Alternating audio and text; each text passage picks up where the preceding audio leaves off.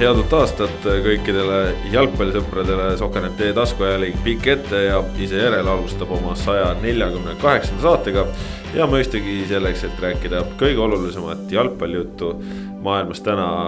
mina, Kaspar Elissaar, sinu, siin on lisaks minule veel Ott Järvela. tere äh, päevast. ja Kris Ilves. tere ja head uut aastat. kuidas siis uus aasta algas? mul algas pauguga nagu ikka noh, seal keegi läheduses paugutas ka. aga muidu noh, selline suht rahulik, tavapärane, ei midagi sellist. ei midagi sellist ekstravagantset no,. hullud aastavahetused jäävad ikkagi eelmisesse aastatuhande vahetuse kanti, et siis olid, siis olid rajud. kas äh, süüa sai rohkem kui juua või vastupidi? süüa sai kõvasti rohkem kui juua mul oli asi veits balansist väljas, ehk et äh, jõulude ajal sõin väga palju ja aastavahetuse ajal jõin väga palju vot, ja kes veel ütleb, et me ei räägi siin ausalt asju ära, nii nagu nad on, et see on, on kõige, Eesti kõige ausam vuti podcast üldse. absoluutselt, absoluutselt.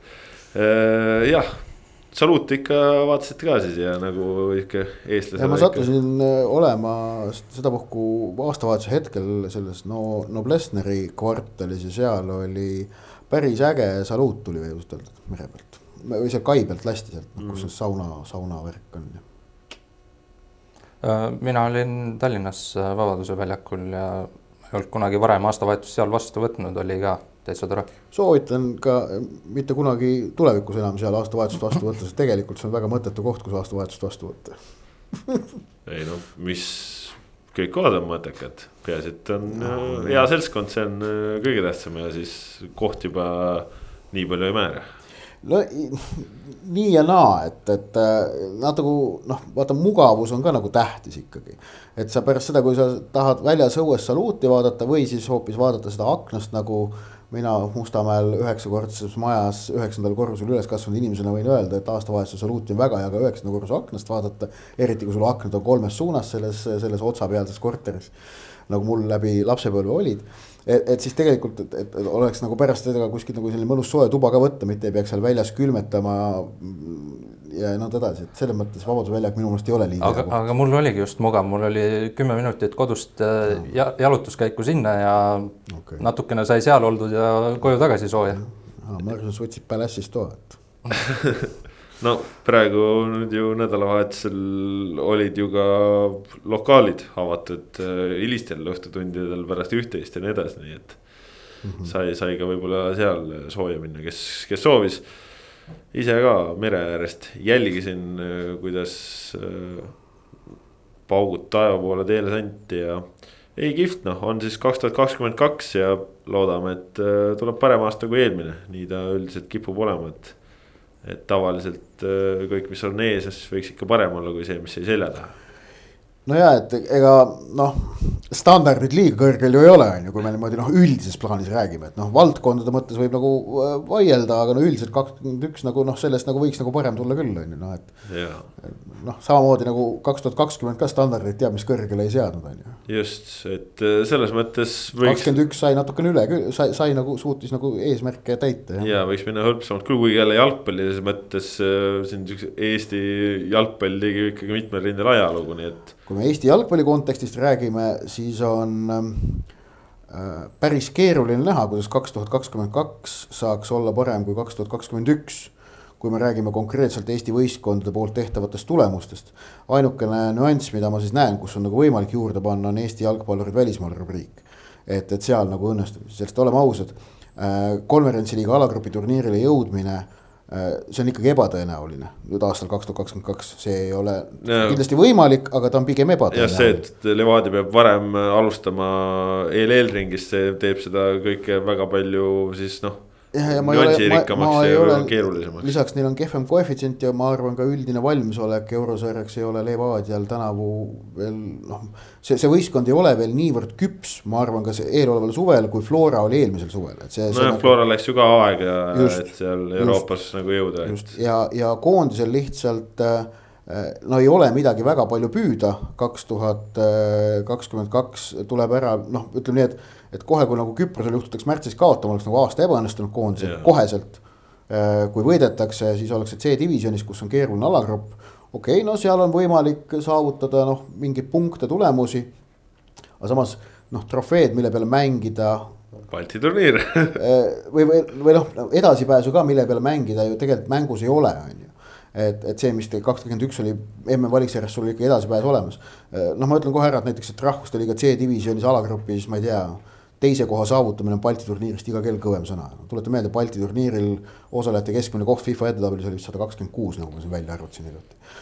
et, et, et ühesõnaga Eesti jalgpallil, aga üks jah, nüanss, kus on võimalik selgelt nagu eelmise hooajaga juurde panna, on välismaal mängivate jalgpallurite saavutused välisklubides no et, isegi jah, ütleme seal selles mõttes on väga lihtne seda latti ületada, sest möödunud aastal ei olnud väga palju jalgpallureid täiskasvanute meistrivõistlustel välismaal. jah, et no Joonas Tamm tegi väga hea yeah. aasta Ukrainas ja aga noh, Karol Metsa aasta välismaal oli selline noh, nii ja naa. et, et Saudi Araabia ja Bulgaaria, eks neis noh, mängida ju sai, aga noh, mitte midagi sellist nagu no, nagu meelde jääks, vaata on ju ja, ja oota, aga meil meistriks tuli pikk, pikk Läti meister. pikk tuli Läti no, meistriks, Liidnis tuli Ungari meistriks mm.. Äh, Aarla võitis Soomes karika ja koos Raadikuga, koos Raadikuga jah et, et noh, ei midagi nagu välismaal noh, midagi nagu näppude vahele jäi, aga no, midagi sellist, mis meelde jääks. vaat midagi sellist, mis meelde jääks, on ju et noh, meelde jäävad see, kui Pareiko tuli kunagi Poola meistriks või Ojamaa tuli Poola meistriks. Nad, nad ikkagi tegid seal asju ka, Kink tuli ju Ungari meistriks, on ju. Morozov tuli ka Ungari meistriks või? jah, aga noh, ütleme no, no, neid meistreid noh, meil on veel, aga või, või, või, või noh, okei okay,, muidugi kõik Ragnar Klavani hooajad on nagu omaette ooper, et selle võime nagu noh kuidagi isegi kõrvale jätta. ja kui Andres Ooper lõi ka Hollandis väravaid, oli ka täitsa kihvt. jah, just või, või kui, kui. isegi Joel USA-s. jah, Lind, Lindberg USA-s oli väga kihvt. et vot sellised hooajad, mis nagu jäävad millegipoolest meelde, mis ei äh, vaju sinna sellisesse ühtlasesse hägusse ära ma ei ütle, et noh, see on, see on, on ju kõva niikuinii, kui sa välismaal jalgpallurina, profijalgpallurina mängid, et, et seda nagu ei tasu nagu kuidagi alavääristada või alahinnata. aga lihtsalt spordis on nii, et mingid saavutused jäävad meelde ja tekitavad neid erilisi tundeid ja teised mitte niivõrd väga. ehk et vot neid nüansse sooviks küll nagu, et sellist nagu noh tohutut elevust, et noh, mida nüüd meie kutid välismaal tegid. eelmine hooaeg äkki kõige rohkem oli see Baskotši debüüt või? jaa, oli küll, aga see oligi seotud pigem noortega, sest sellepärast, et täiskasvanutest ega need nimed, mis siin enne põgusalt kõlasid, mingis kontekstis oli ju kõik, et mm. -hmm. et noh, Mattias Käit oli ka veel välismaal ja, ja ega meil seal rohkem kedagi nagu väga ei olnudki. Midagi. klubi hooaega nagu eriti ei olnudki, Sorgal. noh, samamoodi ei olnud tegelikult. noh, tegelikult see, et ta seal Hollandis mõned väravad lõi, paar tükki päris ilusad olid, tore, aga tegelikult äh, see hulk väravaid, mis ta Hollandi esiliigas on praegu suutnud lüüa, on ebapiisav. see, see noh, tähendab Hollandi esiliiga pidi olema ikkagi liiga, kus nagu ründaja võib ennast nagu korda nüüd hooajaks lugeda siis, kui ta suudab seal viisteist, kakskümmend väravat lüüa, sest et seal liigas lüüakse väga palju väravaid. kui see Klaavani omaette ooper välja jätta, siis mis see viimane nii-öelda säravaim hetk Eesti jalgpallis välismaal oli, kas äh, Vassiljevi see särav hooaeg. Äh, pealistokis. no see, see oli, see, oli, see oli väga-väga kihvt jah, kus ikkagi käis nagu. no Sergei no, Zenjov, tuletan meelde, on äh, päris mitu korda erinevate klubidega jõudnud ju eurosarjas alagrupi turniirile. kui ta ja, Kabalaga jõudis ja, alagruppi niimoodi, et ta lõi väravaid kvalifikatsioonis päris palju, eelringides. see oli kõva sõna. Tamm Sarpsborgiga ka eurosarjas oli ka täitsa nagu.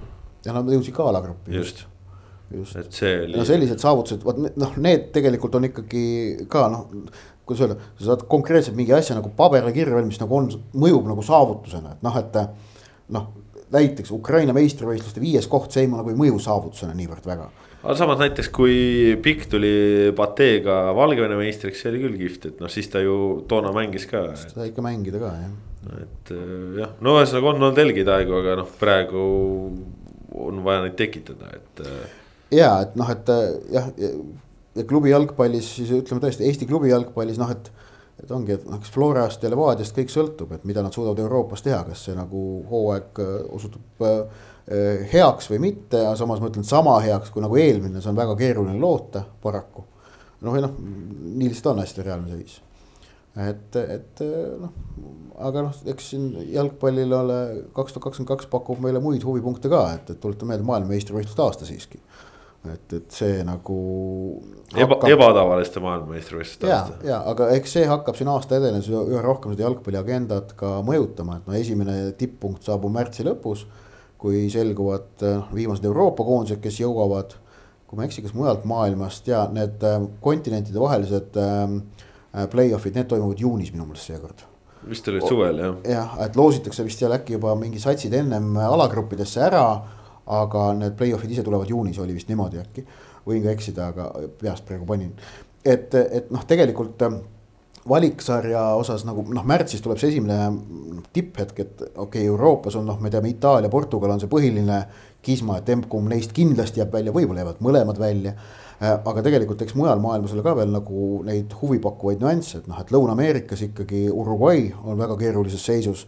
kes on muutunud tegelikult nüüd alates kahe tuhande kümnendast aastast ikkagi MM-ides selliseks noh, kindlaks püsikülaliseks, nad on alati äh, alagrupist edasi saanud äh, poolfinaal, kaheksandikfinaal, veerandfinaal kolmel eelmisel MM-il, nad võivad üldse kõrvale jääda. noh, Aafrikast tulevad nüüd esmalt nende omad meistrivõistlused, aga siis tulevad äh, märtsis ju need otsustavad valikmängud, kus on viis paari, võitjad lähevad edasi. noh, kõvem, kõvem nagin. Aasias on, äh, on noh, enam-vähem tavapärane, kuigi seal vist Jaapan või Austraalia kipub välja jääma, vähemalt esialgsest valik edasipääsejatest. ja siis on veel Põhja-Ameerika on ju, kus. Äh, Kanada. kus, kus Kanada tuleb MM-ile, mis oleks nagu, mis on nagu väga äge. USA ja Mehhiko seekord vist mõlemal, kummalgi probleemi ei tohiks olla praegu, et.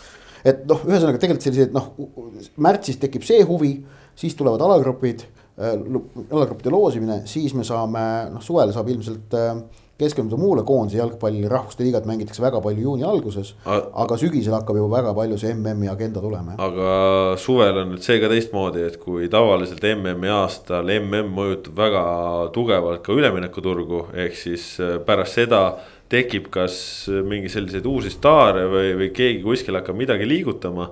siis sel aastal MM on ju pärast, ehk siis kas ta mingisugust äh, sellist. kas ta uut... enam mõjutab nii väga? ta ikka toob, äh, ütleme siuksed no. mingid no. Äh, väiksemate riikide mingisuguseid jalgpallureid toob püünele. ja, ja, ja tipus võib-olla siukse keskklassi varem keskklassi mängijad eh, võivad sattuda suurematesse klubidesse. minu meelest on see nagu MM-i mõju üleminekuturule aastatega väga selgelt vähenenud, et tõsi, see oli tohutu suur, oli see näiteks kaks tuhat kaks, kui Senegal äh, alistas kohe avamängus Prantsusmaa, jõudis lõpuks välja vist veerandfinaali või, või kaheksandikfinaali, vist kaheksandikfinaali, aga igatahes Senegali koondis osteti nagu seejärel põhimõtteliselt nagu, nagu üks mees Euroopa tippsarjade poolt ära. ja, ja noh, hullu raha eest ka Premier League'i toodi täitsa nagu suvalised vendsid, kes kohati jäid seal lõpuks nagu noh, täitsa mitte midagi ütlevateks tegelasteks. aga no see oli nagu tohutu mõju, kus oli näha, et Senegal MM-il säras ja koheselt Senegali koondis põhimõtteliselt osteti tühjaks. Ehm, pärast seda minu meelest kogu aeg see asi on veidikene vähenenud, noh näiteks kui kui kaks tuhat neli Costa Rica koondis jõudis MM-il veerandfinaali. no me ei näinud sellele mingil järgnevat Costa Rica mängijate tohutu suurt nagu lainet Euroopa tippklubidesse no,. et see skautimine on muutunud ikkagi väga palju põhjalikumaks. kaks nagu tuhat kaks oli veel vaata see, et, et ikkagi ka videopilti Äh, natukene kui obskuursematest liigadest. sul sageli polnud võtta, sellepärast et noh, tehnika polnud veel sinnamaale arenenud. aga praegu, kus me oleme jõudnud olukorda, kus nagu iga vähegi tippmäng maailmas on sul videopildis olemas. siis noh, ja tippklubide skautimine on ka palju hoolikam, siis ongi olukord see, et, et sa selle ühe hea MM-iga sa endale mingit tohutut karjääriredeli hüpet. no samas näiteks möödunud kümnendist ju isegi Real Madrid võttis James Rodriguez suurepärase MM-i järele on ju et, et no. kus, kus ta oligi varem oligi noh, Euroopa tugeva keskklassi mängija, tegi väga fantastilise MM-i ja noh. tuli sealt see lüke ka, et. aga see, et suurturniir ei toimu suvel sel aastal, see ei tähenda seda, et neid üleminekuid ju ei, ei võiks tulla, sellepärast Ei, et see lõpeb ju enne, enne jõule detsembris ja kohe jaanuaris ju küll. avaneb ka üleminekuaken No, kui okei okay,, siis on, Mbappé võib tänasest alates või vabandust, üleeilsest alates äh, kõikide klubidega maailmas läbi rääkida, näiteks. täiesti ilma, ilma BSG-le selle kohta kõissamata põhimõtteliselt. noh.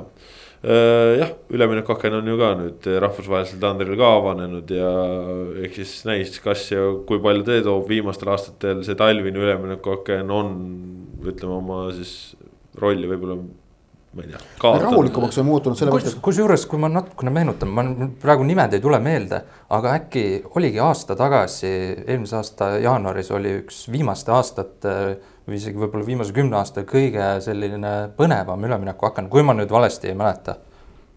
mul na- nagu on midagi sellist meeles, et ja. eelmise aasta jaanuaris toimus hästi palju. jah, aga miks nagu talvine üleminekuaken ähm, on selgelt maha rahunenud, kui me vaatame nagu aastate konteksti, miks ta on ikkagi see, et, et üha enam äh, väärtustatakse ja millega võistko-, millega võistkonnad edu saavutavad, on see noh. võistkondlik koosmeel, koosmõistmine, ühtsus, sujuvus, need kõik on muutunud äh, sageli väga palju olulisemaks sellest individuaalsest talendist mida üks mängija võib tuua ja noh, me oleme näinud, kuidas ikkagi ühe mäng, noh uue mängija sobitamine keset hooaega võistkonda on tippjalgpallis muutunud tegelikult üha keerulisemaks et, et o, muidugi on, on häid näiteid ka ja leidub, leidub neid näiteid, kui see asi on nagu õnnestunud. aga, aga samas äh, klubid üha rohkem hoiduvad sellest ja tahavad teha äri suvel.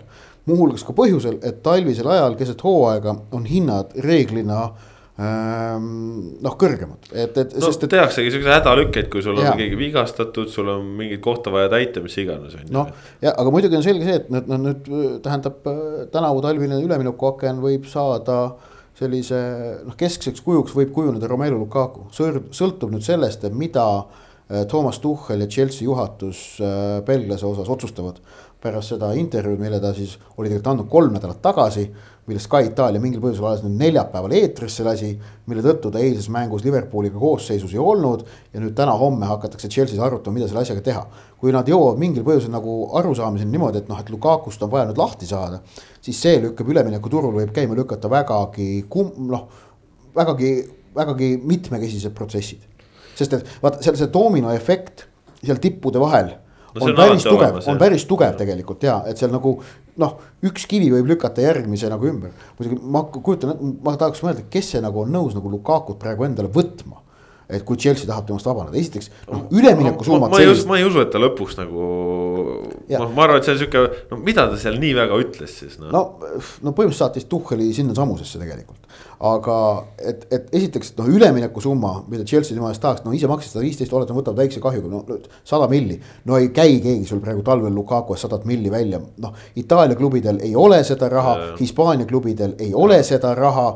Müncheni Bayernil pole Lukakut vaja ning teised Inglismaa klubid teda noh, ma ei kujuta ette, kes teda tahaks ja miks hetkel otseselt noh, ja jällegi seal on küsimus ka, kellel see sada milli võtta on, et noh, Arsenalil, Tottenhamil ei ole võtta, Liverpoolil ei ole võtta. Unitedil võ- võib-olla oleks, kui nad tahaksid, aga nad ei taha, Lukakut on seal juba mänginud ja Cityl pole teda vaja, noh. Palju sul muidu rohkem klubis maailmas on, kellel nagu üldse sada milli võtta oleks teoorias, ei ole. Newcastle, noh, jah, jah, jah. Ja, ja ma teine asi on see, et okei okay,, et laenule kuskile saata, see oleks nagu ilmselt mingi nagu reaalsem variant. no sa tood oma esiründaja saja viieteist milli eest, sa ei anna teda laenule no.. ei no sa annad laenule ta selle eest, et noh, et äh, pool aastat laenutasu on mingi kümme-viisteist milli ilmselt on ju noh.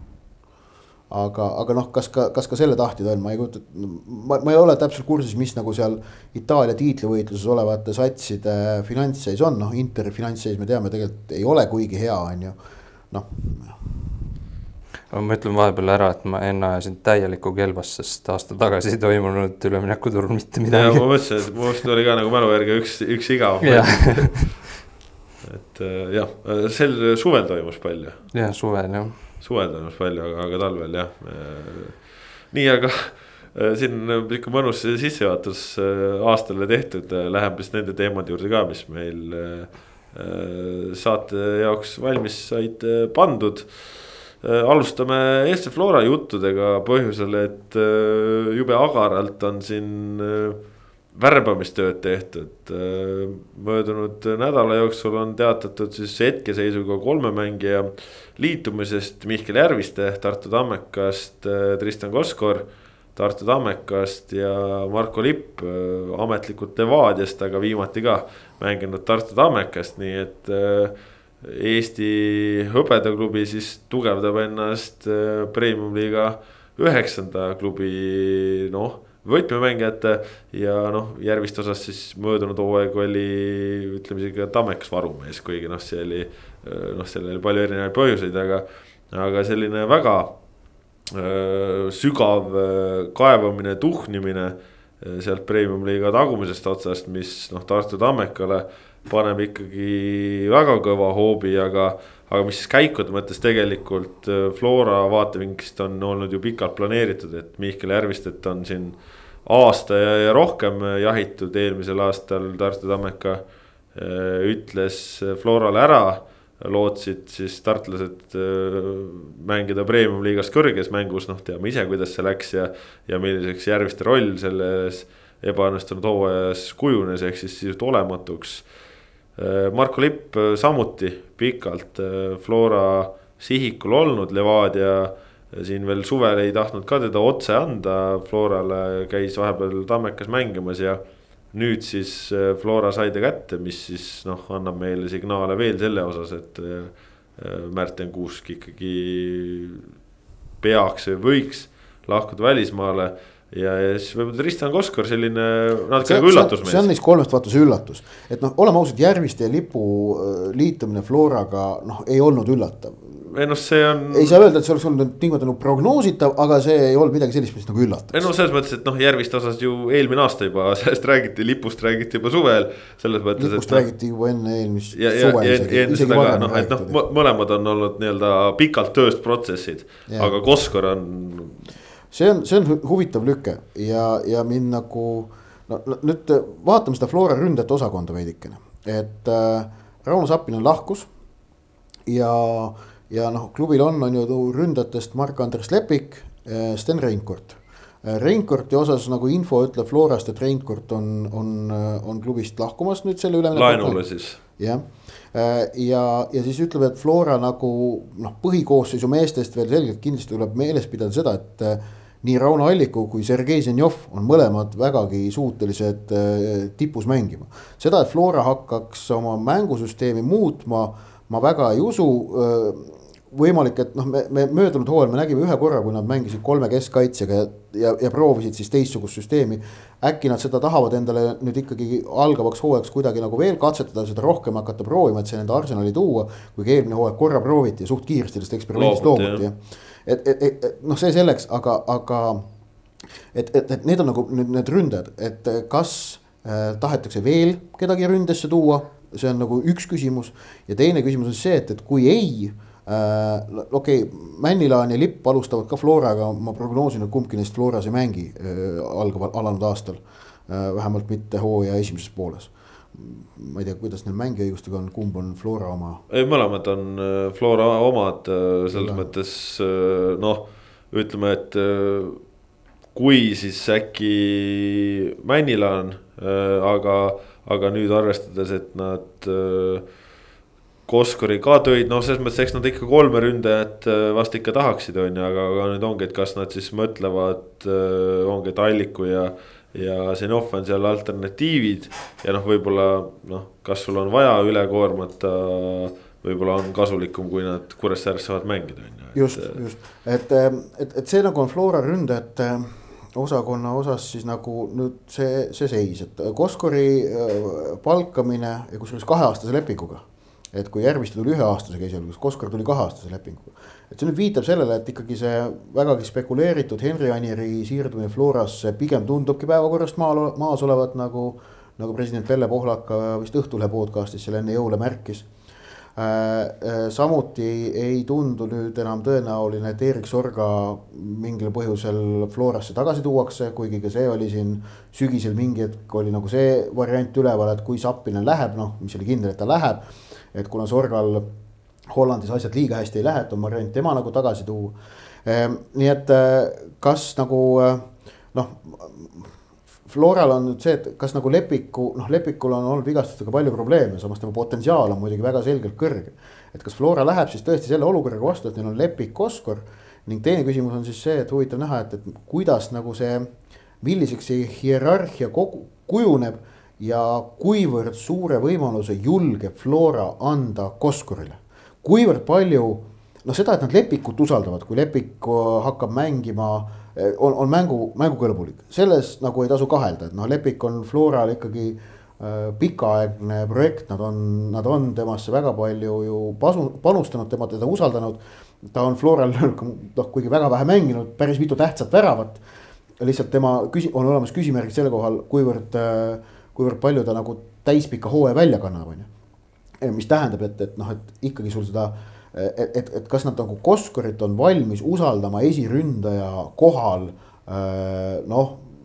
ma arvan, et on. otsustavates mängudes ja, ja kui on, siis see on muidugi noh, see oleks väga, mitte väga, see oleks julge samm jah, samas. see oleks julge samm. Koskori toomisel ka ju Norbert Hurt tõi esile just Koskori kogemusi, et, et noh, tegelikult kui sa lööd selles virelevas tammekas ka üle kümne värava hooaja peale, noh, selles mõttes äh, Koskari mäng on see, et ta ju läheb väga hästi liini taha, ta väga hästi leiab ennast seal väravalistes kohtades, et kui ta nüüd suudab teha tööd, et ka võib-olla oma realiseerimist parandada. Äh, just värava eest, siis noh, idee poolest noh, premium-liiga tasemel. ütleme, kui sul tulevad sellised söödud ette, noh nagu Florast tulevad. just, et Floras on tal toeks on tal Ojamaa ja Zenjov äärtel, selja taga on Vassiljevid, Poomid, Millerid. noh, ütleme seda, et, et sinna palle kasti tuleb, selles osas ei tasu nagu. ei tasu muretseda. ei tasu muretseda jah, aga, aga noh, see, see on väga huvitav lüke äh, Floralt ja, ja seda ma tahaks, ma väga ootan selles mõttes nagu võistlushooaega, et näha, äh, kas ja kuidas see toimima hakkab, seda, seda protsessi on väga huvitav jälgida Kris, kuidas sulle see Koskari saabumine tundus, on seal piisavalt seda kvaliteeti äh,? eks algul tuli ka üllatusena, eriti kui ma nägin, et kaks aastat tehti temaga leping. ma ise mõtlesin sama asja peale, et kuna ta on nüüd äh, Tammekas stabiilselt löönud äh, igal hooajal Premium liigas kümme pluss mingeid väravaid, et äh, mis probleem tal Floras on need kätte saada, no ilmselt see kümme kui niimoodi mõelda, peaks tulema ju kerge vaevaga ja. silmad kinni, ja silmad kinni, isegi võib-olla silmad kinni kakskümmend. aga päris nii mustvalge see vist ei ole, et, et äh, lähed paremasse meeskonda ja hakkad äh, rohkem väravaid lööma. aga saabki olema huvitav näha, kuidas ta sinna, ta ei ole ise kunagi nii tugevas meeskonnas mänginud, okei okay,, ta on vahepeal käinud kuskil välismaal õnne proovimas. Ilmselt ei kannata võrrelda neid meeskondi, Floraga üldse täiesti erinev aga jah, huvitav, lihtsalt tema jaoks on nii-öelda see samm, kaks sammu edasi. ja, äh, ja ka ju klubi, milles ta mängib, mängustiil on väga teistsugune. et äh, kuidas ta Flora mänguplaani sobitub ja kui, ja kui sobitub, siis kui kaua tal läheb selle nii-öelda meeskonnas kohanemiseks aega, et äh, Flora jaoks oleks muidugi ideaalne, kui ta hakkaks kohe paugutama, aga noh, ei tea, kuidas läheb, Robert Kirsi näol oleme näinud ka, et äh, on üles-alla hooajad, aga vaatame eelmist hooaega, siis üks premium-liiga parematest ründajatest. jah, äh, noh, selles mõttes äh, kindlasti Flora võtab natukene, mulle tundub, et seda, seda ründajate olukorda, kes edasi, et et kuni suveni selgub siis, kas ja kuidas need ründajad, äh, kes on hetkel olemas, töötavad. Äh, kui töötavad, siis ongi, et kas Koskor ja Lepik on piisavad, et minna nendega vastu ka eurosarjale. kui selgub äh, siin hooaja esimeses pooles, et võib-olla rahvusvahelise taseme jaoks ei ole piisav, noh siis ilmselt tuleb lihtsalt jah, suvel natuke täiendust teha, et. aga kui Koskor selle võimaluse endal ära muneb siis see on tal endal isiklikus plaanis, ma arvan, et päris suur hoop ja ta on kahekümne kuue aastane ja. no mis siin nagu noh, mik-, mik-, mik-, nojah, kui ära munab, noh, noh ütleme jalgpallis võib alati minna niimoodi, et ei õnnestu, et noh. pigem ma vaatan seda asja niimoodi, et kahekümne kuue aastane selline võimalus saada, see ei ole liiga sage asi, et säärane asi juhtub. et, et ma arvan, et on Koskorile on see selline äh, igat mõnus legaalne doping on ju ja ei, see, see, seda, seda kindlasti ja, ja noh, ütleme jällegi, et kokkuvõttes, kui äh, tipus jah, ei kanna Koskar, ei kanna Lepik, siis äh, on igal juhul olemas ka Allik, on igal juhul olemas Zenjov, mis on alternatiivid olemas, eriti kui sul noh, ongi äärele tõusva tuulena kasvõi Kuraksin tulemas ja nii edasi, on ju, et. et selles mõttes jah, noh, Florale on siin ju Äh, etteheidet ka möödunud hooaja jooksul just seda, et, et kuidas nende selle pingiga on just äh, ka mitmes sarjas mängimise vaatevinklist oleme isegi rääkinud, et, et on ta seal hõredavõit olnud, noh. nüüd äh, polsterdatakse ja noh, selles mõttes loogiline käik. igatahes kihvt ja noh, Marko Lipp on, on ka ikkagi selles mõttes klassikaline Flora lüke, et konkurendi nooremapoolne Eesti mängija, kes konkurendi juures peale ei saa, siis tuuakse endale ja hakatakse tegelema, noh, see on. Madis Vihman, Hendrik Pürg, Märten Kuusk, noh see, see keskkaitse kohal on siis see loetelu säärane. no ja Pürg, Pürg mängis seejuures nendest veel kõige rohkem, et. ja. Kaljus oli ju, Pürg oli kuusest hierarhias eespool. ja, ja Pürg lõpuks ja Pürg sel hetkel, kui ta Florasse tuli, tegelikult ikkagi Kaljus juba mängida sai natukene jah. aga, aga nüüd Flora keskkaitse osas ongi näha, et milliseks see hierarhia nüüd kujuneb, et, et noh, et. Henrik Pürg on olnud seni on ju Märten Kuuse põhipartner, Kuusk ilmselgelt on lahkumas klubist Äh, nende esimene vahetusmees on olnud Markus Sepik ja, ja siis äh, teine vahetusmees lõppenud hooajal oli Erko-Janne Tõugjas. ehk et nüüd, kuidas see nelik, äh, Pürg, Sepik, Lipp, Tõugjas, kuidas nende vahel mänguaeg jagunema hakkab, milli-, kellest kujuneb esipaar. seal ma arvan, et, et seal variante on mitmeid, et seda on nagu huvitav jälgida. ja, ja noh Lipp siis äh, ka selles mõttes noortekoondistes ju ka kapteni paela kandnud äh, nagu eelnevalt Kuuski näiteks, äh, et kindlasti need omadused on, on sellised. mida sinna kaitseliini tahetakse, nii et jah, saab näha siis, kuidas see projekt töötab.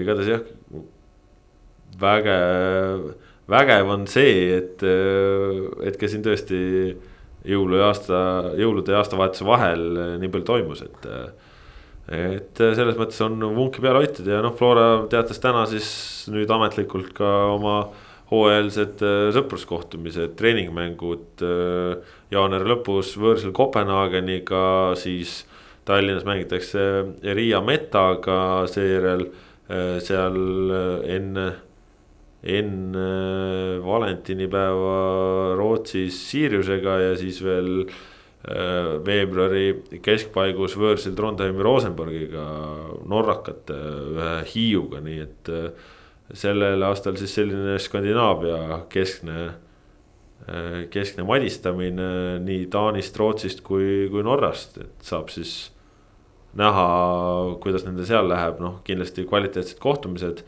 ja, ja see, et eh, noh, ikkagi okei okay,, et Kopenhaagen ja Rosenborg kumbki pole praegu valitsev meister, aga, aga ajalooliselt oma riikides ikkagi väga-väga suured tegijad, et eh, noh, Floral nüüd õnnestub selliste satsidega ka mängida, noh näitabki see, et nad on oma mingisugust taset siin eelnevate aastatega tõestanud. ja, ja eriti see, et, et Kopenhaageniga sparritakse äh, noh, kusjuures noh, tähendab sparring Kopenhaageniga on selles mõttes täiesti nagu võrdväärsete sparring äh, selles kontekstis, et äh, hooajad võistkondadel algavad äh, enam-vähem samal ajal. Kopenhaagen mängib oma esimese liigamängu kakskümmend veebruar oli vist ja Floral esimene noh, nii-öelda võistlusmäng on, on ju superkarikas kakskümmend viis veebruar et, et, et noh, Trondheimiga on see, et Norra hooaeg peaks algama minu arust märtsi lõpus, et noh, circa kuu aega hiljem kui Eestis. et selles mõttes, et Trondheim on oma ettevalmistuses selgelt äh, varasemas faasis kui Flora sel hetkel, kui mängitakse. aga Kopenhaageni jaoks on, on ettevalmistus noh, umbes samas faasis, mis Floral või äkki isegi veidikene edasi läinud, ehk et ka sellises faasis tahetakse Floraga mängida, see on, see on hea märk. ja, et äh, noh, seal Kopenhaageniga jah, nii palju veel, et noh, Kopenhaagen on ju ise olnud tegelikult selline klubi, kes on. ongi seal ju Kesk-Euroopa ja Lääne-Euroopa klubidele ka olnud sparringu partneriks, et neile nüüd sobib eh, ise mängida Floraga. noh, eks, eks ta näitab äh, mingisugust tööd, noh. samas jällegi see aasta siis kuskil seal Kesk-Euroopas Šveitsid, Austriat, kus on ka käidud nüüd sel aastal ei olda, et. Et jah, seal siis Florast praegu nii palju ja noh, Floral nädala keskelt ka tublid tugevused äh, spordiaastatähtede kallal, võite küll ei tulnud, aga. jah äh,, FC Flora siis oli, oli neljas jah, oli võistkondade arvestuses. ühe punkti, kui õigesti mäletan, siis sealt sai ja tegelikult äh, kui laiemalt vaadata seda, seda valikut äh,, mis Eestis üldse on, äh, siis tegelikult äh, kõva, kõva asi, et äh, Flora saavutust jõuda Eesti, Eestis esimesele klubina alagrupi turniirile tunnustati jah, muidugi selles mõttes noh, isiklikult see, kuidas noh, suhteliselt enda parameetrite järgi katastroofilise hooaja teinud Tänak, Järva ja ettepoole jäid. noh, mina, mina natukene vaatasin imestusega, aga noh ega jalgpall ütleme siis Eesti oli, spordiringkonnas on natuke selline riik riigis. no kui sa vaatad selle hääletuse dünaamikat, siis see oli niimoodi, et Flora sai kolmanda koha ajakirjanike hääletusel. ja Tänak ja Järveoja said kolmanda koha nii alaliitude kui ka rahvahääletusel. et noh, sõudid olid igal pool teised, kui ma ei eksi. vist isegi Tänak ja Järveoja isegi rahvahääletusel said ainult kolmanda koha. no Vehkle muidugi igal pool võitsid, nii nagu peab et, et, et spordialaliitude, tähendab, et rahvahääletusel Tänak, Järve ja Florat edestavad, see on loogiline. no Ott Tänak on Eesti kõige populaarsem sportlane ilmselt jätkuvalt, kuigi Anett Kontaveit on talle nüüd vägagi kannule jõudnud. aga noh, seal ei ole midagi imestada, see, see, see on nagu igati loogiline. ja spordialaliitude hääletusel siis noh, tähendab seal nagu on olemas ilmselt kaks, kaks nüanssi, et. et ma vaatasin natuke neid spordialaliitude ankeete ka pigem Flora, tähendab Flora kaotas seal väga selgelt Tänak Järveojale, et see oli väga selge kaotus, pika puuga tegelikult selles konkreetses kategoorias. Äh, pigem Flora sai hääli siis äh, pallimänguliitudelt, võistkondlike pallimängude liitudelt. Äh, ja siis mingid noh, mingid jaburad punktid, Raplamaa spordiliidult tuli esikoht, mis on muidugi noh, täiesti nagu vale. noh, no see on, vaata kust otsast tahad, see on vale, lihtsalt see ei ole mitte ühestki otsast põhjendatud, Flora oli kaks tuhat kakskümmend üks Eesti parim võistkond, et nad olid maksimaalselt paremuselt teine. seal ei ole, noh, see ei ole isegi vaidluskoht, on ju. Äh, aga ikkagi see, alaliitude jaoks on ka see äh, noh, tähendab, alaliidud ei suuda jätkuvalt ega ei taha hinnata abstraktset tulemust mida alagrupi turniirile jõudmine kui selline ikkagi on. sellepärast, et mingit nagu protokolli, tulemust sa sellest kirja ju ei saa. Tänak Järveoja said MM-sarja viienda koha ning etapivõidu. ja, ja sellepärast nad äh, alaliitu silmis ka selle konkreetselt võitsid. ehk et see abstraktse tulemuse hindamine on, on see, miks nagu jalgpalluritel selle aasta sportlase hääletusel äh, aga ka tegelikult teistel kor-, äh, pallimängijatel pole kunagi olnud võimalik edu saavutada, Tiit Sokvist on viimane pallimängija, kes selle hääletuse võitis.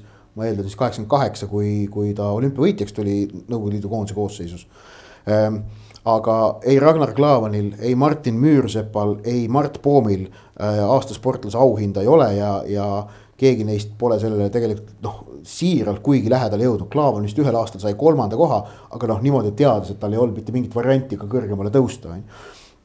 Et, et see on selles, see, see nagu, see, selle kultuuri vastu ma arvan, ei hakkagi saama, et, et medaleid väärtustatakse kõrgemalt.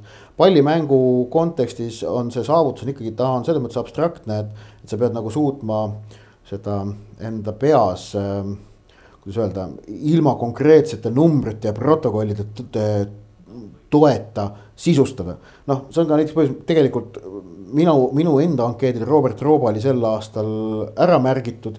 Äh, noh, KHL-i murdmine, see on ka, aga see on ka selline abstraktne saavutus et noh, et ta oli, ta oli Soome kõrgliigas paremuselt teine väravalööja, murdis KHL-i. aga noh, protokollis oli see, et ta, tema koduklubi, koduklubi Jüpp oli Soome kõrgliigas, kui ma ei eksi, tagantpoolt teine või kolmas ja, ja noh, Sever, selle Tšerepovetsi Severstali hooaeg veel käib, on ju, et noh, mis sa konkreetselt ette näidad, Eesti koondis MM-il ei mänginud. et see on väga abstraktne ja see on nagu põhjus, miks tegelikult ma arvan, ongi jalgpallil väga keeruline sellel konkursil midagi saavutada, ainuke variant tegelikult on ikkagi koondisel, kes kaks tuhat üksteist selle, selle aasta sportlase valimisel aasta võistkonnapreemiaga pälvis, Tarmo Rüütli valiti ka toona aasta treeneriks.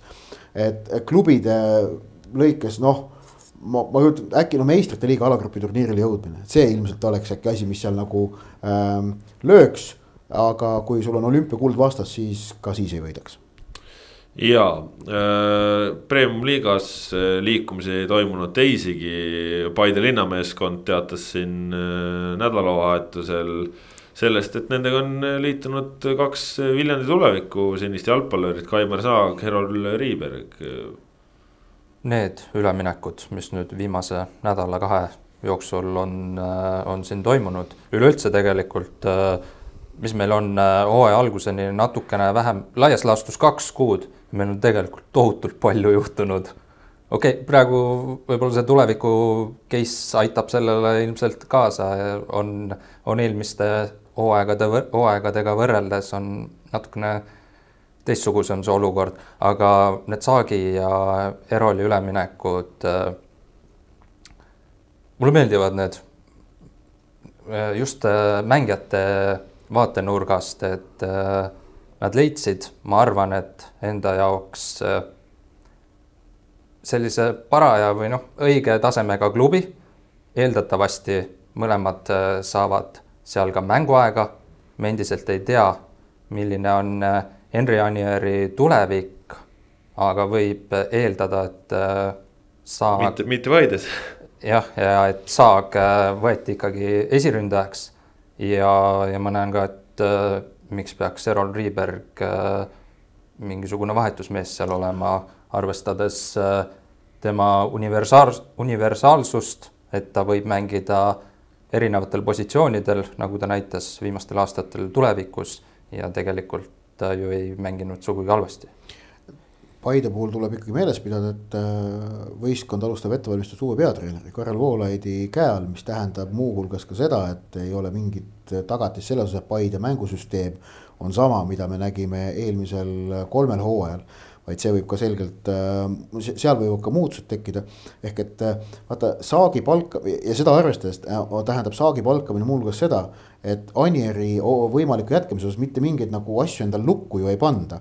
et kui Paidel õnnestub äh, Anieriga ka uueks hooajaks leping sõlmida, noh mitte miski ei keela sul Anieri ja Saagi korraga põhikoosseisu panna, selle jaoks nagu variante, kuidas see toimima panna, on, on kindlasti ja on rohkesti Äh, nii et äh, selles mõttes, et äh, noh, aga jah, kui, kui Anier läheb, siis äh, Saagi näol on ilmselt saadud Eestist parim saadaolev asendus, kes talle võtta on ning äh, noh, välismaalt ründaja hankimine on. no me, me, me näeme, kui, kui raskelt see on käinud. see on, see on neetult keeruline, noh Levadia on otsinud siit ja sealt, tõi Ukrainast mitu venda, tõi Venemaalt, tõi Makedooniast ja lõpuks leidis Robert Kirsi näol lahenduse, on ju. ja noh, Levadia ressursid, ma pakun, on Paide omadest suuremad. tõsi, Paide skautimisvõrk muidugi Aafrikas on, on korralik ja neil on sealt head infot ja neil on sealt nagu häid variante, aga ikkagi selle täistabamuse hankimine, nagu me ka eelmine hooaeg nägime Paide puhul, ei ole niivõrd lihtne. et Ishaku Konda puhul nagu loogiliselt võttes kõik kriteeriumid olid ju täidetud, et see peaks olema nagu noh, hitt. aga Paide teadis, et, et noh, nagu arvata oli ka, et, et koostöö lõpeb, et läheb laenulepingut ei pikendata, midagi ei tehta, Konda läheb ära, sest et tegelikult ikkagi noh, asjad ei toiminud, kuigi nagu noh tegelikult ka, et noh, vaatasid paberi peal, vaatasid esimesi mänge, vaatasid parameetreid no,. kõik tundus. no kõik tundus olevat, no, no ei ole ju midagi ette heita Paidele yeah., see oli nagu tundus, et see on hea ja loogiline lüke. aga noh, lihtsalt ei osutunud selleks, selle selliseks jalgpalluriks, keda vaja on jah. ja et äh, noh, see äh, mida ta liiga mõistes tähendab, kui noh, siis nii Flora kui Paide näitel, et äh, enda pinki ja kogu koosseisu tugevdatakse premium-liiga tabeli tagumise poole võistkondade mängijatega. noh, selles mõttes on positiivne, et ega me siin ju alles rääkisin äh, nädal tagasi, kuidas pole mõtet lahmida suvaliste välismaalastega.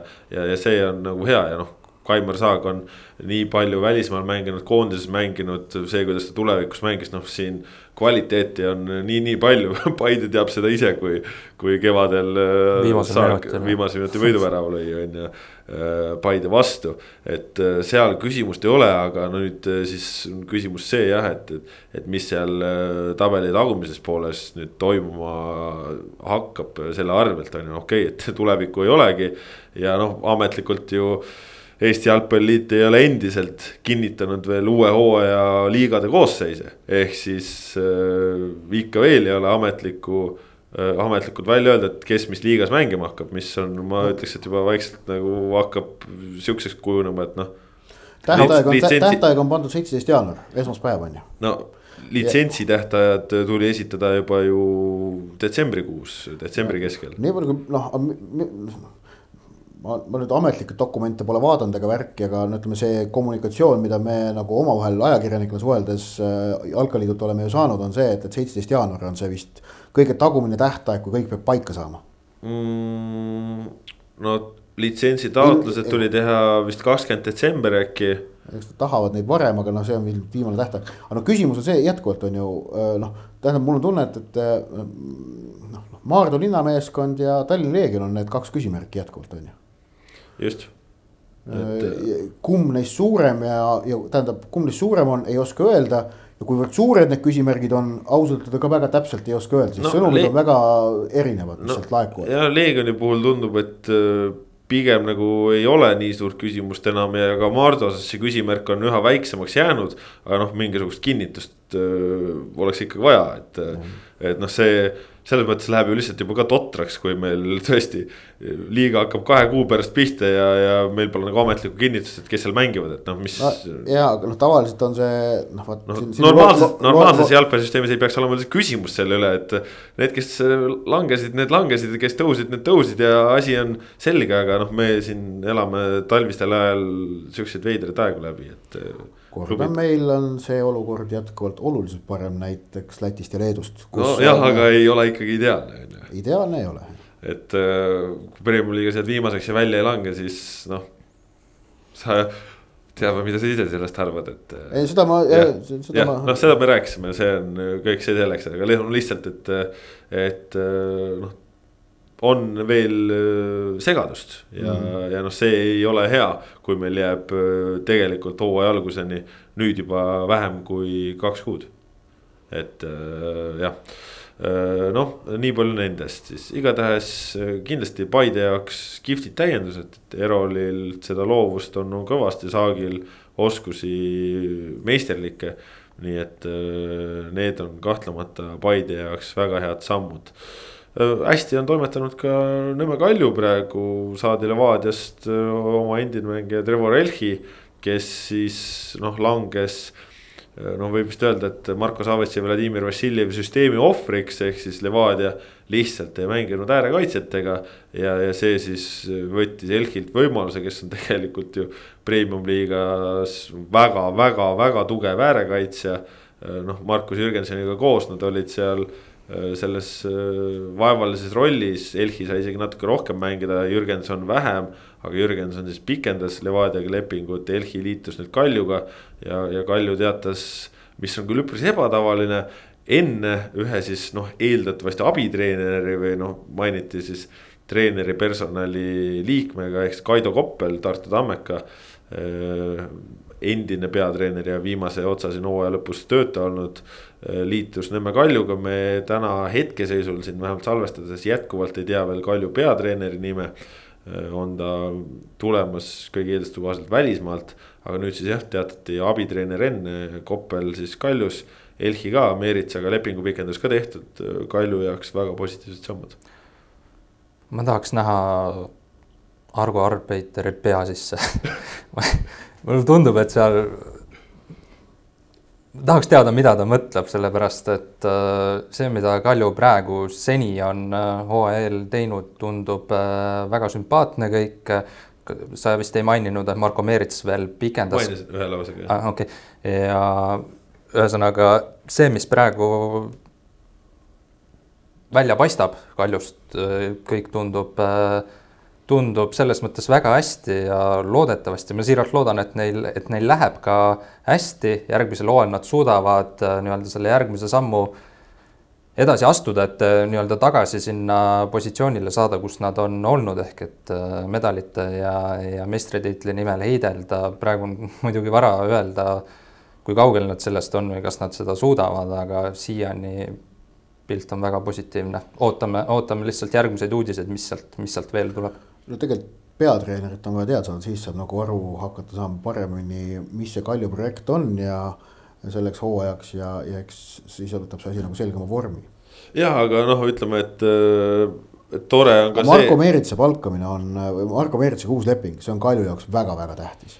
see on tõesti, no Meerits on ikkagi selle võistkonna üks nagu väga selge tugitala olnud ka läbi raskete aegade ja, ja et ta jätkab, see on klubi jaoks suur võit. ja no eks kindlasti Merits ise oleks soovinud ilmselt ka esimeses variandis võib-olla piiri taha pääseda, aga. aga on see aasta raske olnud, on tal siin tervisega probleeme olnud ja noh, Kalju hooaeg ka. aga noh, kui nüüd näiteks peaks tulema Kaljusse peatreener Äh, kellega on võimalik ka maast jalgpalli mängida, siis noh, Meeritsa trumbad, äh, trumbid äh, võivad veel enam mõjutama hakata ja, ja Meeritsa roll võib veel suuremaks kanduda, sest noh. teame, et ju noh, see Frantsevi stiil, noh küll selles mõttes Meerit suudab seda väga hästi mängida, sest tal on väga hea pikk sööt.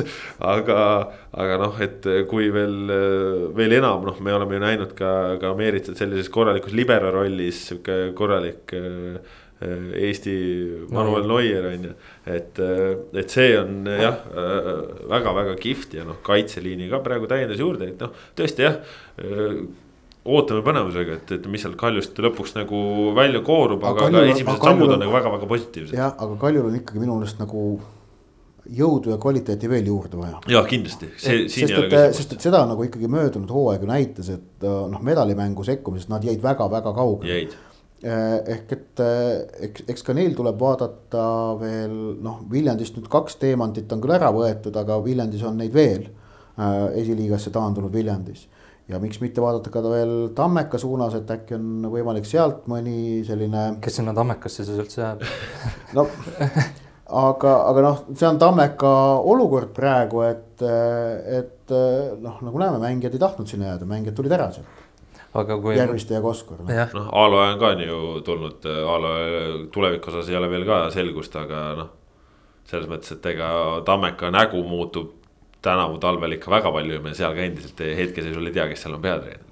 ja huvitav, kas Kalju plaan või selline idee pärast Argo Arbeiteri tulekut äh, muutub ka välismängijate palkamise osas, et praegu selle kohta uudiseid ei ole ja kui veel mõelda, et kes tulevikust äh, saadaval oleks, siis äh, eestlastest äh, noh, mõned, mõned nimed võib-olla, ma ei tea, kas just Kaljusse, aga kes, kuhu nad üldse võiksid Eesti liigas minna, meenuvad Gerdo Juhkam, Martin Allik, Nikita Komissarov, aga, aga eelkõige ma jäin mõtlema tuleviku välismaalaste peale ka Siim ja Muidinov, kes tegid ju tegelikult korraliku hooaja. mis saab nendest, kas, kas nemad leiavad Eesti kõrgliigas veel mingisuguse väljundi? sellega seoses meenub mul kohe hoopis üks äh, teine mees, Mintongo ja.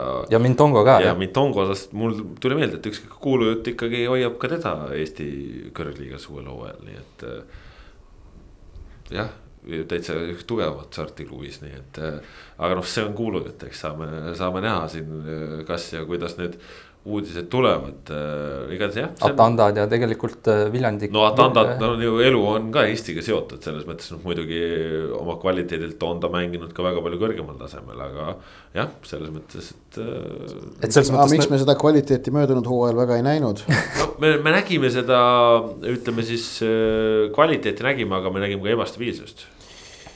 noh, tähendab seda kvaliteeti me ei näinud kvaliteet seisneb siiski stabiilsuses, noh selline ebastabiilne kvaliteet on selline. no Eesti jalgpallis väga tavaline jah, aga üpriski kasutu asi, ütleme niimoodi. aga mu mõte oli see, et äh, igatahes nüüd on Erol ja Saag on tulevikust läinud, et äh, huvitav saab olema jälgida, et äh, millised äh, need järgmised äh, käigud on no, kes, kes kus maandub? mehi on üle nüüd jah, ja, ja, ja ja noh, arvestades, et kui altpoolt äh, tuleb Maardu, kes on noh, niigi juba sihuke oma hästi sihukese kindla näoga või nendele sihuke noh, tuumikseltskond on pidevalt sama, on ju ja noh, Pärnu vaprus, kes noh, saab aru, et nad, kui nad. ei saa sama, sama koosseisuga minna. et peavad ikka jõudu juurde panema, et muidu see ei ole lihtsalt tehtav. aga kas Pärnu peab, Pärnul on nüüd uus peatreener Dmitri Kalašnikovi näol, et see täpselt nädal aega tagasi, kui me olime saate ära lindistanud, ilmnes ähm,. Kuivõrd palju peab Pärnu jõudu juurde panema, ma ei ole väga kindel, et nad peavad, sellepärast et äh, Tammeka paistab. tabeli tagumine pool on nii palju nõrgemaks jäänud, et ei ole vaja lihtsalt. ja, et alt tuleb üles juurde Maardu Äh, ja, ja, ja Tammeka noh, paistab, et jääb nõrgemaks, on ju. et äh, Pärnu, ma arvan, selles seltskonnas võib, võib mängida küll. noh, okei okay,, mingeid tugevdusi ilmselt jah, oleks vaja ja vaadata siit-sealt, aga no mingit sellist nagu tohutut kvaliteedihüpet ei ole vaja Pärnul teha mängijate, noh siis palgatavate mängijate osas, et võidelda liiga koha säilitamise nimel, mis ilmselgelt on võistkonna eesmärk ähm,. sattusin äh, eelmine nädal täitsa nagu täiesti, täiesti kogemata Karl Palatuga, Pärnu tege-, Pärnu vapruse tegevjuhiga kokku ja, ja muuhulgas siis uurisin ka seda, et kas no et Dmitri Kalašnikovi üks kaubamärk on olnud siiski üpriski nagu noh, ma ei ütle sõna primitiivne, see oleks nagu selgelt talle liiga tegemine, aga noh, lihtne ja, ja, ja tulemusele, vägagi tulemusele orienteeritud jalgpall. aga olude sunnil, kas see on ta ideaalne jalgpall Narva Transis, see mäng ei olnud sedavõrd lihtsakoeline. mitte, aga noh no mitte väga keeruline ka. aga ühesõnaga ma uurisin seda, et, et kas nagu, aga noh, vaata, Trans oli ikkagi ka tabeli keskmik. sul oli seal võimalik natukene rohkem äh, julgemalt ja, mängida. mänginud seal liigasse püsima jäämise nimel. jah, et, et liigasse püsima jäämise nimel mängides, mida Pärnu kindlasti tegema hakkab, selles keegi nagu ei kahtle. sa, sa pigem noh, vähendad riske on ju. aga Pärnu, Pärnul on vist äh, pool hooaega, pool meeskonda vist äh, seal kaitseväes ka veel. jah, on Äh, jah, igatahes uurisin, kas nagu sellega oleks arvestatud, et, et Kalašnikovi pakutav jalgpall ei pruugi teatud olukordades ülearu palju silmailu pakkuda ning nagu me nägime ka lõppe, möödunud hooaja Tammeka perioodis, siis Kalašnikovs ei karda teha äh, selliseid keerulisi otsuseid, et, et kui on tulemas kaks mängu, kust ühest on tõenäosus punkte teenida päris hea ja teisest väga väike, siis selles ähm, teises mängus mängivad varumehed ja saadakse suuri kolakaid, et selle kohta nagu Pärnust öeldi, et ei, et sellega see neil probleemi ei ole, et neid huvitab üks liigasse püsima jäämine. Aga, aga kokkuvõttes mul on Kalašnikovi naasmise üle äh, hea meel.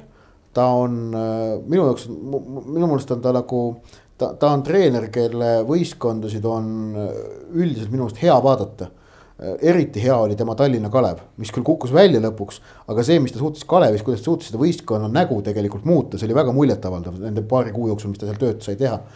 ning, äh, ning, ning ma arvan, et ta, ta, ma arvan, et see on Pärnule hea lüke, et ta palgati. ma arvan, see on premium-liigale ka hea lüke, et selline värvikas treener Eesti liigas on. ja no ütleme minul on eelkõige hea meel selle üle, et Kalastikov saab teha hooaja ettevalmistuse võistkonnaga, et. Narvas ta sai ka. jah, aga see oli aastaid tagasi. ja, siis me ei näinud seda tegelikult sinna, vahele jäi kolm, kolm klubi.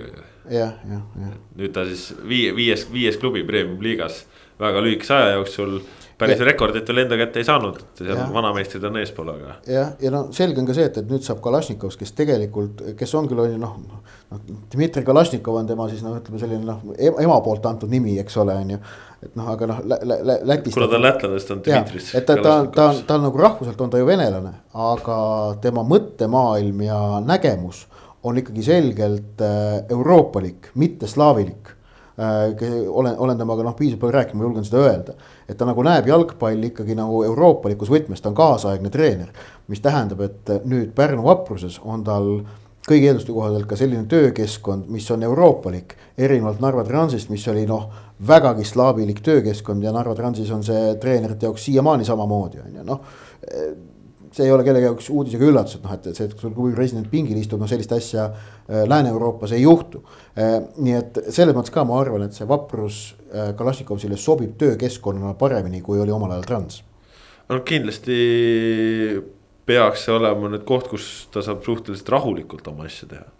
et, et see ka, kui tal ei ole sellist klubi poolt võib-olla ultra suurt äh, ma ei tea, vaimset psühholoogilist survet peal, see võib ka äkki teda natukene muuta, et ta on muidu ju ka väljaku ääres hästi-hästi selline närviline treener, mis ma tean, osadele mängijatele äh, ei sobi, osasid jällegi, osadele meeldib, et, tõmbab käima, aga. aga igatahes kihvt näha ja, ja noh, tegelikult üldse siin äh, Premium-liigas tõesti neid üleminekuid on tehtud, aga no neid mängijaid on ju turul veel, et äh, Hannes Anier ka Levadias ei jätka ja, ja Premium-liiga mõistes noh, väga-väga kvaliteetne ründaja on saadaval ja, ja eks neid, kes omale ründajat tahab. Äh, neid on siin liigas ka omajagu, et äh, sedagi on kihvt jälgida. aga noh, kui siin juba otsapidi väravate löömisest rääkida, siis hõbepall koondise aasta ilusaima, meestekoondise ilusaima värava löömise eest anti välja, anti välja ka Annika. naistekoondise ilusaima värava eest Annika võitis siis Vlada Kubassova oma suurepärase löögiga Leedu vastu. ja Mattias Käit siis äh, võitis hõbepalli iseenda ees äh, väravaga, mille ta lõi Belgiale siin sügisel. edestas siis väravat, millega ta tõi Eestile Balti turniiri võidu. väga selline tihe andmine oli sel aastal ja, ja ise ka valimisprotsessis osalenuna. no tõesti, selles mõttes oli täitsa haruldane, et kui noh, tihtipeale niimoodi, et on mingid paar väravat, mis sa paned sinna ära ja, ja siis ülejäänu tuleb suhteliselt loogiliselt. siis tänavu oli, oli valik nii palju suur, et kui viis tükki tuleb äh, seal välja valida, siis äh, oli ka selliseid, keda oleks tahtnud sisse panna, aga lihtsalt ei mahtunud et selles aastas konkurents äh, sel aastal oli, oli väga hea, Kris, sina said vist esimest korda hõbepalli valida, et kui kergelt või raskelt sul see läks? jah, esimest korda hakkasin ka vaatama seda videoklippi, kus kõik väravad olid ette antud ja nii-öelda järjest, kuidas need tulid, selle järgi hakkasin reastama. ja oli, kas oli esimene, üsna varakult tuli see Rauno Zappineni värav Tšehhile ja see oli oh, nagu hea meenutus oli, et ahah, me olime sellise värava, et see on päris ilus värav. ja läks mul kohe sinna toppi ja siis ma hakkasin seda toppi kogu aeg sättima, sättima, sättima. see vist isegi koondise aasta esimene värav äkki jah? jah, võib-olla oli märts, märtsikuus oli mäng ja, ja seal oli üks-null värav ta, nii et ta pidi. jah, jah, jah, ta oli kohe seal ees ja ta läks mul kohe, oh selline värav, okei okay. ja siis hakkasin, tulid järgmised väravad peale, sättisin, sättisin, sättisin, lõpuks, kui ma esimese, esiviiku kokku sain, siis vaatasin. Rauno Zappinini värav Tšehhile ei mahtunudki esiviie hulka et selles mõttes ja, et äh, valik oli meeldivalt, äh, meeldivalt äh, kõrgetasemel, ütleks siis, et palju kvaliteetseid ja ilusaid väravaid, aga see, mis puudutab võiduväravat või siis teiseks jäänud väravat ehk siis käit versus käit duelli, siis ei, ei olnud midagi see nii nii kindel võit äh, käidil käidi ees aga, aga ütleks, et äh, maitse Üks,. üksteist punkti vist jäi äkki lõpuks vahe, et äh, kahel väraval. jah, üksteist punkti, ütleks, et maitse asi, kumb oli ilusam, kas Belgiale see teisel minutil löödud või siis Lätile sealt oli nurgalöögi järel karistusala joone juurest üle puusa põhimõtteliselt. ja no, no selles mõttes, et no ongi tehniliselt kindlasti see Lätile löödu oli raskem, nagu ka Mattias ise ütles, samas jällegi teistpidi noh, see emotsioon, mis tuli selle Belgia väravaga, noh, see oli ikkagi ulme ja noh, see oli ikkagi ka filigraanne sooritus selles mõttes äh, siin kahtlust ei olnud, Ott, kui kergelt raskelt sul see valimine läks? ei, äh, noh, tule, mul on, ma arvan, kas oli äkki nüüd kolme või neljateistkümnes kord, kui ma hõbepalli valisin. pean arvutama täpselt, mul ei ole meeles täpselt, aga et, et nendega, kelle, kes, kes sama kaua nagu mina seda valinud on, asja arutades oli nagu üksmeelne, vägagi üksmeelne järeldus see, et niivõrd kõrgetasemelist konkurssi nagu tänavu pole hõbepallil mitte kunagi varem olnud. et Eesti koondis pole kunagi löönud ühe aasta jooksul niivõrd palju kauneid väravaid nagu seekord. no kauneid, see, milles see ilu seisneb, seda on ju iga, iga. vaataja silmades. iga, igaüks mõtestab ise, aga noh, ütleme siis meisterlikkus äh, Äh, imposantsus, äh, ka tähtsus. no näiteks lõpuks Keit ise ütles ka, et, et, et kuna värav Belgiale oli ikkagi noh, suurem sündmus kui see värav Lätile siis äh, ta end, ise pidas seda nagu äh,, tal oli hea meel, et see sai auhinna, kuigi ta möönis, et värav Lätile oli tehniliselt keerulisem. just. Et, et see on nagu ka asi, mida siis noh, et see, et mis on ilusaim värav, et seda nagu võib niivõrd mitut pidi tõlgendada ja see, see on üdini subjektiivne konkurss selles mõttes. aga selles osas võime küll nagu tõesti kokkuleppel olla, et niivõrd head konkurentsi pole kunagi varem olnud. mina näiteks emotsionaalsust üldse ei, ei arvestanud, kui ma oma hääletussedelit täitsin, sellepärast ma lülitasingi ennast täiesti välja, ma hakkasin neid väravaid äh, vaatama, unustasin kõik igasugused emotsioonid ära ja hindasin äh, selle järgi, mis on minu arvates kõige ilusam äh, värav ja panin need niimoodi ritta. ja igatahes, kes tahab ise ka ilusaid väravaid valida, siis Premium liiga aasta ilusaima värava hääletus Sokkerneti portaalis käib, käib nädala lõpuni seal kümme valikut, kaheksa kuu parimat ja, ja kaks väravat veel lisaks selle toimetuse poolt, äh, nii et kümne tavamuse hulgas saate oma valiku teha ja, ja siis selgitada välja lõpuks selle, kes siis Premium liiga kõige kaunima tabamuse möödunud aastal sepistas. saate lõppu võib-olla põgusalt korraks ka põikame Inglismaale, et äh, nädalavahetus täis sündmusi. ja noh, nagu ikka koroona alati lõpmata palju mängida ei luba, aga kui mängitakse, siis mängitakse huvitavalt. Kris, sul vist oli sihuke valus ja raske esimene jaanuar tulenevalt sellest, mis klubi sa pooldad? jah, sellest eelkõige, mitte sellest, mis äh, eelneval õhtul juhtus aga, aga jah, seda tõesti ma seda mängu vaatasin. no räägime siis Arsenali ja Manchester City mängust, kes kuulajatest ei, ei hoomanud kohe taustalennult. tohutult hea mäng oli. väga hea mäng, äh, mulle meeldis seda vaadata, aga tõesti ei olnud hea päev äh, Arsenali jaoks, Manchester Cityl oli, oli tohutult õnne, ma olen nüüd siin natukene kuidas öelda, no ma proovin olla erapooletu, aga tegelikult no tehti Arsenali liiga. ma ei tea, Ott, räägi, ma võin. ja, ei tähendab, mina, sa ütled, et see oli Arsenali jaoks tohutult halb päev, ma ei ole sellega väga nõus, ma arvan, see oli Arsenali jaoks selline mõõdukalt hea päev. sest et äh, näitas väga ilmekalt ära, et äh, Arsenal on nagu suurde mängu tagasi tulemas ja, ja tulemas moel, kuhu nad, kuhu, kuidas nad isegi ei olnud selles suures mängus tagasi minu meelest Arsene Wengeri viimastel aastatel. et isegi kui nad seal mõned Inglismaa karikad võitsid siis tegelikult ju sellist äh, noh, tiitli ründamise võimelist Arsenali me ei mäleta päris ammu. Äh, ja nad Lesteri võiduhooajal nad tegelikult said lõpuks ju hõbemedali ja, ja oli seal mingil hetkel neil ka variante aga noh, tegelikult see ei tundunud liiga tõsine no,. vasta, vaidleks juba vastu, sellepärast et äh, praegu jah, neid mänge on lust vaadata, kaasa arvatud seda Manchester City vastu oli esimesel jaanuaril see mäng väga, väga, väga hea oli vaadata, sellepärast Arsenal mängis hästi. aga see oli üks väheseid mänge sel hooajal, kus nad on tippude vastu hästi mänginud. tippude vastu nad ei ole neid punkte saanud, jah, ma võin vaadata, kuidas nad Norwichi viis-null loputavad, aga aga vaata, aga vaata seda, vaata seda sinusoidi ja arvesta, et noh, et noh, üles-alla see liikumine hooaegade lõikes toimub et kas sa näiteks, näiteks Manchester Unitedi puhul me ei saa öelda, et see selge nagu sinusoid oleks praegu nagu selgelt ülespoole teel. aga Arsenalil on ta praegu ikka väga selgelt ülespoole teel. jah, praegu need tulemused tippude vastu pole, pole ära tulnud. aga, aga noh, et seal on nüüd küsimus see, et kas nagu esitused on head või mitte. et, et, et tulemus on see, mida on keerulisem kontrollida, esitus on see, mida on jalgpallis lihtsam kontrollida. nii see paraku on ja, ja kuna noh, juhusosakaal ikkagi selles tulemuses on päris suur, siis, siis sageli võib minna niimoodi, et esitused ei too seda noh, õiglast tulemust. minu meelest Arsenal liigub nagu heas suunas ja, ja, ja lisaks on veel see ka äge, et, et Arsenali on tõesti praegu mõnus vaadata. minu arust hea tunnistus selle kohta oli ka asjaolu, et kui mäng oli lõppenud ja City oli selle üheksakümmend viis minut värava, mis see oli?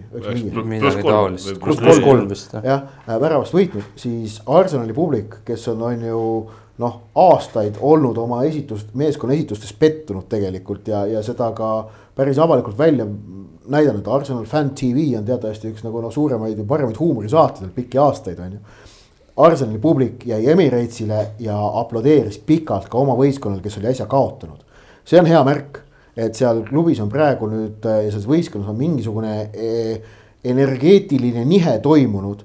midagi on nagu paika loksunud, muidu sellised asjad ei juhtuks tegelikult Äh, mis nüüd selle mängu otsuste juurde tuleb, siis tähendab, vaata, kohtunikud vaatavad oma otsuseid ju niimoodi, et nad vaatavad neid ühekaupa. aga meie, kes me oleme nagu normaalsed inimesed, vaatame neid komplektis ning pole mitte mingisugust õigustust, vabandust või üleüldse mingit nagu sellist nagu noh, normaalset juttu, mille kohaselt saaks öelda et kui äh, City'le anti penalti, siis Arsenalile ei antud. Nad kas mõlemad on või mõlemad ei ole, nii lihtne see ongi. ja, ja kohtunikel ei ole eh,, niikaua kui kohtunikud ajavad mingit jura ja ütlevad, et me pea, et, et, et noh, me, me kumbki otsus ei olnud vale, siis nii kaua äh, kohtunike öö, maine ja usaldusväärsus jäävadki halvaks. nii lihtne see ongi et, et neil võib nagu juriidiliselt võttes õigus olla, aga kedagi ei koti see, vaid kui te nagu jutt tegelikult nagu ei päde normaalse inimese mõistes, siis keegi teid ka nagu enam tõeliselt võtma, tõe pähe võtma ei hakka. Gabrieli punase osas no,. ei ole midagi vaielda. ei ole midagi vaielda, tähendab esimene kollane, ma ei saa, tegelikult vist penaltipunkti äh, nühkimisest oleks pidanud vist Ramsdale pigem selle kollase saama.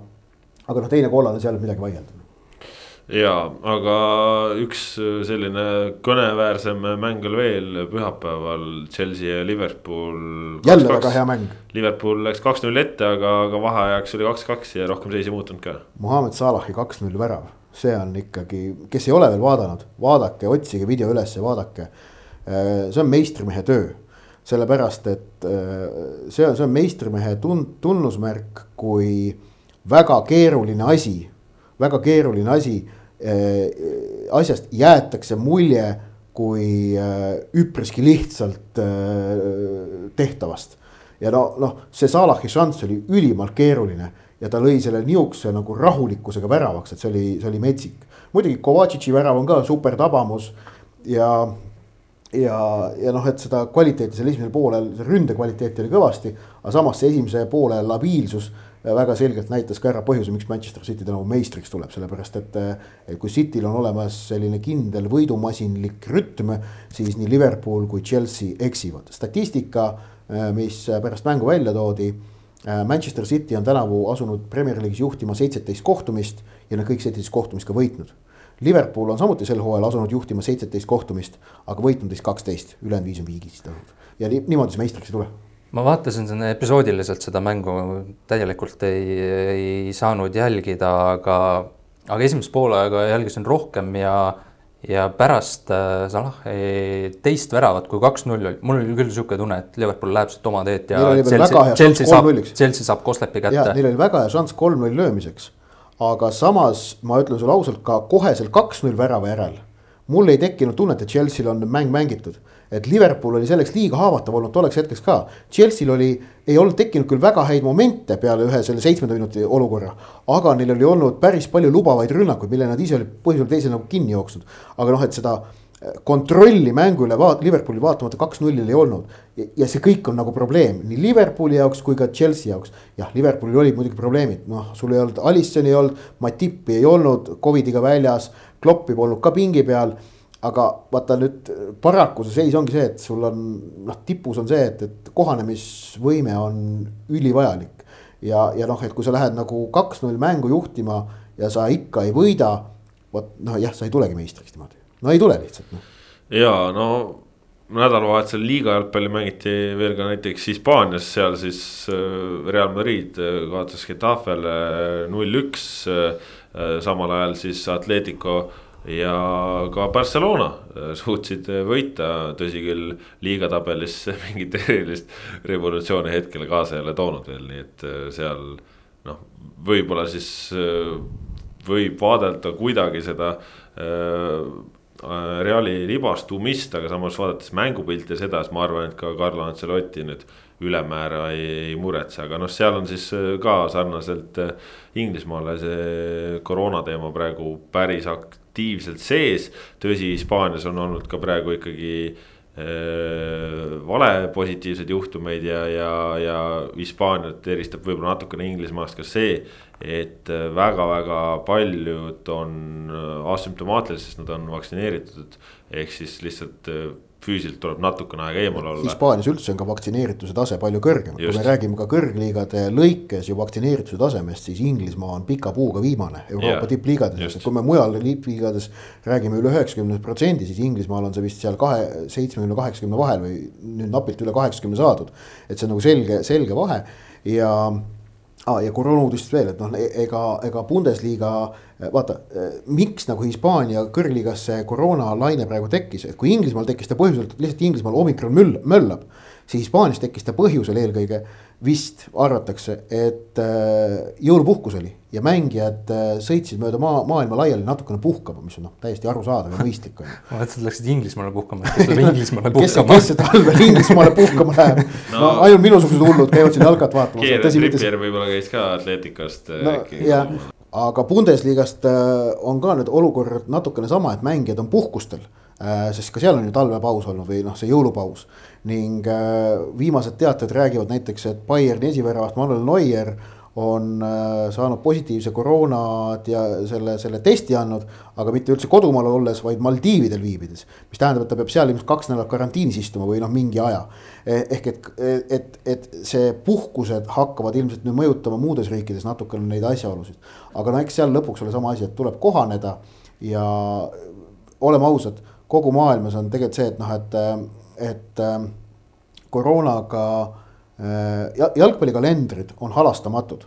jalgpallis on paigas see, et igale võistlusele järgneb kohe järgmine, tsükkel on paigas ja tegelikult puhvrit ei ole mis tähendab, et jalgpalli ainukene võimalus igal pool maailmas on sõltumata koroonast, kui, kui just riiklikud piirangud ei takista, mängimist jätkata. ka Inglismaa tegelikult tegi valesti, äh, minu meelest siin jõulude ajal ilmselt neid mänge ära jättes, oleks tulnud anda käsk klubidele mängida igal juhul Äh, tippklubidel, eriti Premier League'is, kus on graafikud kõik halastamatud.